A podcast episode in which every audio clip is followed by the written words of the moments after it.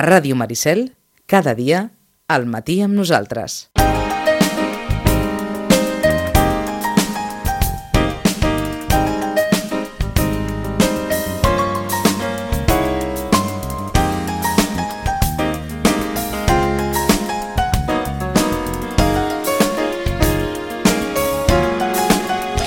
Doncs com eh, cada 15 dies, l'espai de les eh, biblioteques per eh, repassar l'agenda d'aquesta institució cultural que, que tenim durant provisionalment molt a prop de la ràdio. La, la biblioteca es va moure al, al Poble Sec, nosaltres estàvem allà ben baixat més, aquelles coses, i ara estem allò, som veïns. Marta, bon dia. Hola, bon dia, veí. Per tant, per tant eh, costa menys pujar els llibres, només han de pujar l'escala. Sí.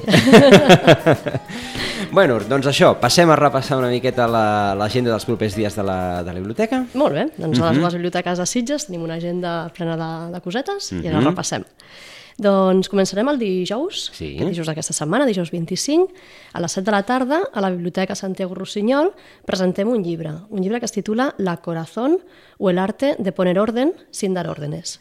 Els autors són la Roxana Cabut i el Raet El Jounsi, Uh -huh. Eh, I la presentació anirà a càrrec dels autors. Comptarem amb ells que ens explicaran com bueno, el contingut d'aquest llibre, que és un contingut especial, perquè és un llibre molt fet des del cor. Sí. Quan es fulleja ja pel format ja es veu, perquè és un llibre publicat com amb carinyo. Mhm. És en un format quadrat, amb un títol que també la tipografia doncs, ens dona aquesta sensació de que és una cosa molt ben cuidada. Els autors en aquest llibre han volgut compartir certes pautes no, en la seva vida que els han ajudat a anar de l'estrès al respecte pel ritme propi, de la por al conflicte a la integració d'aquests missatges de conflicte. Uh -huh. Ara m'aturo aquí Sí, un moment sí, perquè sí. van, van sentint Sí. de fons, són els 21 morterets, perquè hi ha hagut ara aquí al costat l'enterrament de, de l'Isidre Panyell, i el que senten de fons, perquè com estem al costat, són els 21 morterets. Eh? O sigui, si van comptant, els, els, eh, els comptaran fins a, fins a 21. Continuem, perdona, Marta. No, no passa res.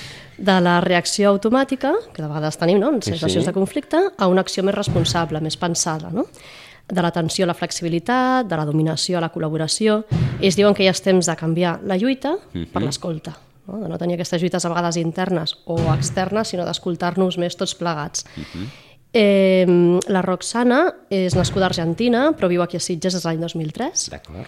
Ella valora molt el sentit de l'humor i l'amor com ingredients fonamentals per a viure, i això doncs, és el que queda reflexat en aquest llibre. I el Raet El Yunsi és nascut a Marroc, ell és, bé, també ha fet estudis en comunicació no violenta i porta molts anys impartint tallers de comunicació i consciència no violentes aquí a, al nostre país. D'acord, per tant, eh, la Corazón es eh, presenta aquest eh, proper dijous aquí a la biblioteca. Exacte. És un llibre que ens xoca el títol, La Corazón, sembla que estigui mal escrit, però no, ens explicaran el perquè d'aquest joc de paraules, en el que quan els expliquin, llavors com que tot cobra un sentit i tot és molt rodó. D'acord, Doncs serà això, aquest dijous a les 7. molt bé. El divendres 26, a la Biblioteca Josep Roig i Reventós, hi haurà del conte, com és habitual. En aquesta ocasió anirà el Blai Sanabra, un narrador que ens agrada moltíssim, que ve molt sovint a les biblioteques, amb els seus contes, amb la seva maleta de contes, i en aquesta ocasió ens explicarà castanyes amb banyes. Castanyes amb banyes. Uh -huh. uh, recomanem a partir de 3 anys i també volíem aprofitar, ara que comença el curs de les hores del conte, per explicar que a la biblioteca Josep Roig i Reventós doncs, hi ha una petita normativa, protocol, eh, manera de fer, diguem-li com vulguem, perquè tot funcioni millor a l'hora del conte. Els que són habituals d'anar-hi doncs, sabeu que és un espai petit i que s'omple molt perquè té molt d'èxit, perquè les hores de conte són molt xules.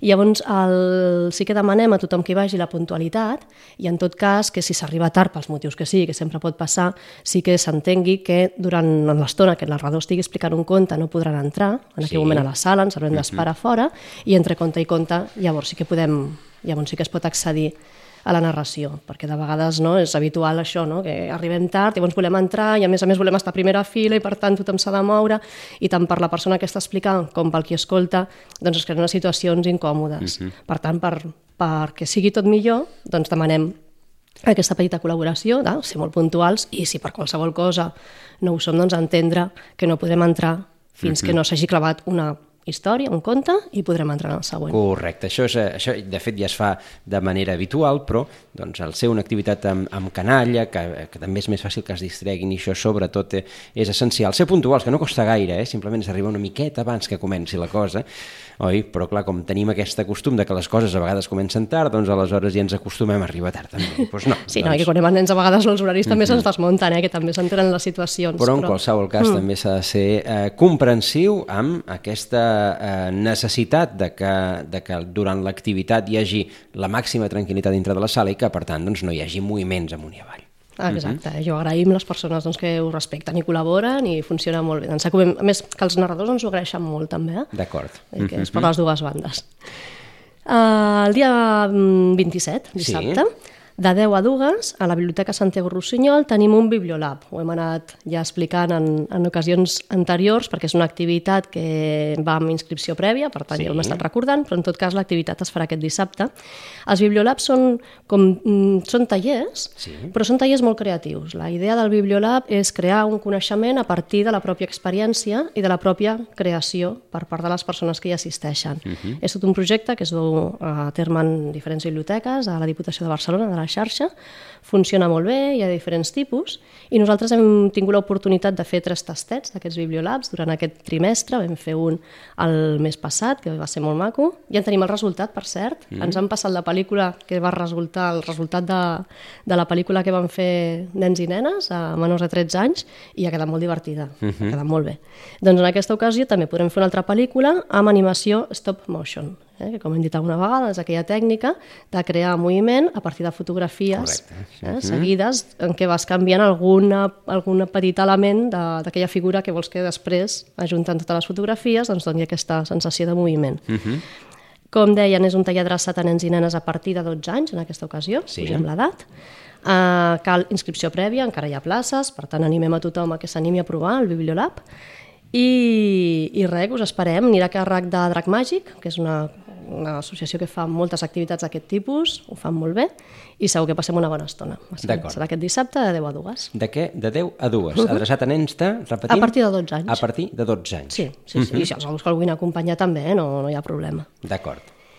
I recordar també que seguim amb els clubs de lectura, no els anem dient perquè són activitats que també són amb grups tancats, que ja han tingut el seu període d'inscripció, però sí que pensem que els llibres que s'estan llegint són una bona pista, i per tant direm els títols, per, com una recomanació. De vegades no sabem ben bé què llegir, doncs tots els llibres que es van comentant i tractant en els clubs de lectura vol dir que el moderador els ha treballat, que són títols buscats expressament i per tant són lectures recomanades per tothom, encara uh -huh. que no formin part dels clubs de lectura.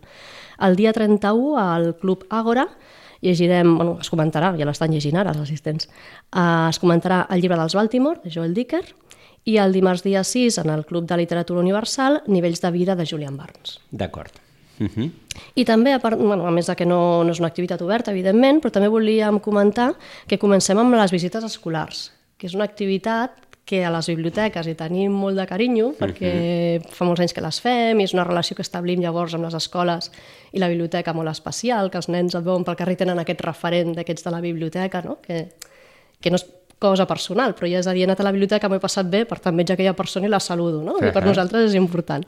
Doncs comencem aquest any amb les visites escolars, les fem tant a la Roig i Reventós com a la Santiago Rossinyol, i a la i Reventós començarà amb un curs de tercer de l'Escola Maria Usó i després uh -huh. aniran classes de P3, de P4, de P5, de P5. Aquest any hem canviat, hem canviat, hem revisat els guions, no? tot el contingut que els explicàvem i sobretot pels més petits on enfocarem més el foment de la lectura, que passin una bona estona i no tant potser explicar mm, normativa, així no? dura o... I la idea és això, de que vulguin tornar, de que portin els pares, de que s'engresquin. Uh -huh. I amb els grans a la Biblioteca Santiago Rossinyol el dia 30 tenim una visita de segon de batxillerat, o sigui, grans, grans. Uh -huh. Seran 15 alumnes de l'Institut Benaprés que vindran a visitar la biblioteca. I a partir d'aquí doncs, serà un continu de... Els, els grans ja l'haurien de conèixer, eh? L'haurien de conèixer, segurament, segur que la coneixen de quan eren petits, i potser alguns se'ns ha despistat pel camí. Per tant, és un bon moment de reenganxar-los. De fet, sí que és veritat que a les escoles, a primària, tenim molt de contacte, passant quasi totes les classes per no dir totes, i en canvi, uh -huh. cop arriben a l'institut, doncs com que això es talla, es talla. I volem tornar a reprendre, perquè és precisament no, una edat que realment ells tenen el seu món, hem dit moltes vegades, i és difícil. Però bé, perquè per venir a la biblioteca i a la Santiago Rossinyol veure l'edifici, que a més a més val la pena, doncs només això ja és un bon reclam. Et va funcionant la, la sala infantil? Hi ha, hi ha molta canalla a les tardes? Hi ha canalla, sí, sí, sí. I a més, el fet d'estar separades, hi ha per una banda la sala infantil amb els contes a partir de, de 7 anys, uh -huh. i els llibres de coneixements, i les revistes, els DVDs, la música, i per l'altra banda, a l'altra banda del pati, hi ha la sala més petiteta, on hi ha els llibres doncs, pels més lectors, o per menors de 6 anys, vaja, uh -huh. no? I ens feia una miqueta de veure com això, com es com jugàvem aquesta carta de tenir aquestes sales separades, no? I ens plantejàvem de dir, clar, si una família amb germans de diferents edats, no? Com es reparteixen aquí, cap allà, la font al mig, però la veritat és que s'està regulant d'una manera molt natural uh -huh. i, i estem contents de com funciona. Les hores del conte també, bueno, tot just vam fer la primera d'aquest curs, Sí. però bé, doncs també, també va estar bé, sí, sí, anem treballant. Perfecte. A veure, què més? I llavors portem recomanacions, a part Sí. d'aquest de la Corazón. El passat dijous, si no m'equivoco, dimecres, ai, dimecres o dijous, ara no sé com va ser, vam tenir a la biblioteca l'Hernán Migoya, Sí. que és un guionista de còmic, periodista, és moltes coses, l'Hernán Migoya és com un terremoto. doncs bé, no, vam tenir l'oportunitat de tenir-lo a la biblioteca, va ser una cosa molt ràpida, vam poder fer poca difusió, però va ser una xerrada molt interessant amb ell, i l'excusa era presentar el, un còmic, en el que ell ha participat com a, com a guionista, que es titula Carballo Tatuaje. Està publicat per Norma Còmics, una de les grans editorials, la gran editorial de, de còmic, i és una adaptació de l'obra de Manuel Vázquez Montalbán, d'aquesta sèrie del detectiu Pepe, Carga, Pepe Carballo. Uh, la novel·la, Tatuaje, és la primera on Carballo té un paper protagonista, encara que a l'anterior també ja sortia el personatge, uh -huh. i va ser escrita l'any 74. I llavors, eh, bueno, doncs l'Hernán Migoya es va estar explicant com va sorgir la idea de traspassar aquesta novel·la al còmic i, i entre ell i el Bartolomé Seguí, que va ser Premi Nacional, doncs van, han fet aquesta obra. És un còmic en format de còmic clàssic, no? perquè clar, i l'Hernan ens comentava, clar, la cosa era fer més tipus novel·la gràfica, no? amb un format de, de publicació més llibre, o el típic còmic tipus Tintín, perquè ens entenguem, no? en mida, en, en número de pàgines, i es van decantar per aquest tipus de format. Per tant, és un còmic que físicament és clàssic. És còmic còmic. Exacte. L'Hernán Migoya eh, va fer, bueno, ha fet aquesta adaptació molt fidel a la novel·la Uh -huh. i l'acció comença amb el cos d'un home despullat que apareix un dia a la platja de Vilassar de Mar, Ahà. té la cara menjada pels peixos i un tatuat, un tatuatge gravat a la, a la pell que diu «He nacido para revolucionar el infierno». I Carballo serà l'encarregat doncs, d'averiguar qui és aquest home, com ha anat a parar a aquesta platja. En aquesta cerca doncs, ens tornarem endinsant als carrers de Barcelona dels anys 70, perquè això sí que s'ho han documentat molt bé, perquè ho havíem viscut, no? però que podem veure això, els cotxes, els carrers, paisatges, que podem uh -huh. reconèixer de la Barcelona d'aquella època, i també ens anirem fins a, fins a Amsterdam, en aquesta primera aventura, i una de les sagues de gènere negre més conegudes de la literatura uh -huh. contemporània. Per tant, qui no conegui a Pepe Carballo amb la novel·la, pot endinsar-se en aquest món a través d'aquest còmic. M'imagino que els llibres de Montalbán també deuen, deuen circular, no sé si a la Santiago Rossinyol, però també també són fàcilment accessibles. Sí, el que passa que, mm, clar, el, potser ara amb la novel·la negra, que ha tingut aquest boom també d'autors Sí, mm, d'autors nòrdics, o, bueno, no? que, és un, que és un gènere que, s'escriu moltíssim, que van sortint molts autors, uh -huh. i per tant aquests grans clàssics sí que la gent més jove, les noves generacions potser no els coneixen, i amb una persona de 20 i pocs anys li preguntes per Pepe Carballo i és molt possible que no tingui ni idea quan és la, la base no? de, de molts altres personatges que han sorgit uh -huh. en aquest gènere, per tant sí que van sortint, suposo, però en gent que ja el coneix o que el té com a referència. uh -huh. D'acord. Mm. Doncs eh, continuem. Més Continuem. recomanacions per avui, va. I després tenim un altre... Bueno, seguim amb el, amb el món del còmic. A la biblioteca he de dir que tenim un equip molt, molt ben preparat i al bibliotecari, el Gerard, li agrada molt el món del còmic, s'ha format en el món del còmic i uh -huh. l'estem, bueno, li estem donant molta empenta i per tant convidem a tothom que vingui a la biblioteca i que es passegi pel, pel còmic perquè trobarà coses que és una secció que està molt ben cuidada i l'anem ampliant amb llibres de qualitat. Llavors el Gerard em va dir, mira, doncs podries recomanar aquests dos que estan molt bé i si m'ho diu, doncs jo ho faig. Doncs endavant, a veure. Són llibres de l'Albert Montells. Eh, L'Albert Montells va néixer el 71, l'any 1971 a Barcelona, és autor de còmic català, i ell va ser durant un temps director del Jueves, de la revista El Jueves. Abans hi havia guanyat premis i havia tingut obra de qualitat, però sí que és a partir d'aquell moment en què la seva figura doncs, agafa més renom.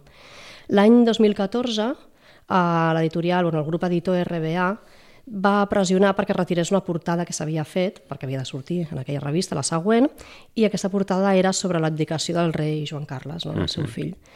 Va haver com va haver una censura, no? perquè aquest grup, doncs, el grup editor no va estar d'acord amb aquella portada i bé, doncs, va, va optar per, aquesta, per, per, per retirar-la. Arran han fet, tant el director, l'Albert Montells, com d'altres col·laboradors del Jueves van presentar la seva renúncia a continuar formant part d'aquesta revista i es van buscar la vida per la seva, per la seva part. D'altra gent que estaven treballant, doncs molt lícitament van seguir treballant al Jueves. A partir d'aquest fet, ells van crear una revista digital per tant, publicaven els seus còmics via internet, en una revista digital, que es diu Orgullo i Satisfacció. Van ser 40 números on van explicar la realitat del que va passar durant tots aquests anys, del 14 fins al 2017. Uh -huh. Ja tenim aquí aquest còmic, és un dels que recomanem, es diu Grandes Éxitos, uh -huh. i per tant podem trobar un repàs de, de còmics, tant d'Alberto Montells com d'altres col·laboradors en aquell moment del Jueves, que van uh -huh. passar a formar part d'aquesta revista, i és un repàs doncs, de la política, de la societat, del que ha passat durant aquests anys, que no ha sigut poc. Ara que la monarquia està de moda, oi? Oi. doncs això. Va ser el detonant, no?, de poder tenir uh -huh. aquests còmics en format digital. I al final doncs, han acabat publicats en format paper, amb un còmic gruix, gran, sí. en format apaisat, i és per riure, per reflexionar, per, bé, doncs per pensar no? amb una miqueta uh -huh. de, de perspectiva del que ha passat del 14 fins al 17. Perquè la gent ens entengui. Són els, són els dibuixos que, poden, que podien trobar eh, al jueves. Exacte, eh, exacte. Doncs uh -huh. traspassats en aquest repàs a l'actualitat política uh -huh. de, de tota aquella història de la transició. Grandes èxits. Grandes èxits, eh? Del, uh -huh. del 14 fins al 2017. En aquest format digital, doncs, evidentment, ells han publicat el que han volgut, han dibuixat uh -huh. el que han volgut, Clar. sense estar... Eh, tallats per la, per, la, per la censura de l'editorial. Exacte, exacte. I l'altre? I l'altre també és de l'Albert Montells, es diu Universo, i aquest també el va publicar primer en format digital, en versió uh -huh. digital, Panel Syndicate, i aquest és el primer volum. En, aquesta, en aquest còmic ens trobem a una empresa, bé, són com diferents històries, eh? però uh -huh. la primera és una empresa que posa en marxa una màquina per viatjar en el temps uh -huh. i envien a un dels, bueno, de la gent que treballa allà, l'envien a l'origen de l'univers, allà en el moment del Big Bang, i ella ha de posar un segell de l'empresa en tota la matèria còsmica que, que exploti del Big Bang i llavors quan es, quan es formi el món tal com el coneixem no? i passin els anys i els segles no tindran la patent, no? Tindran la patent, ah, exacte. Per tant, aquesta empresa seran els, els amos del món.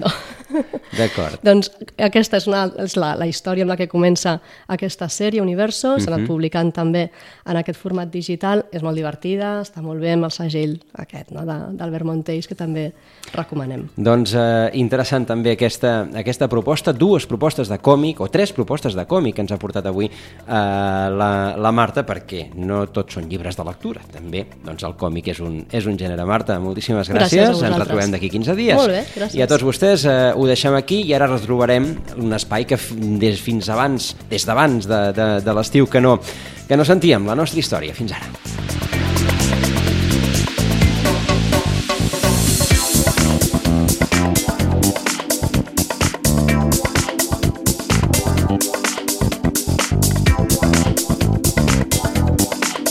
Ràdio Maricel, cada dia, al matí amb nosaltres.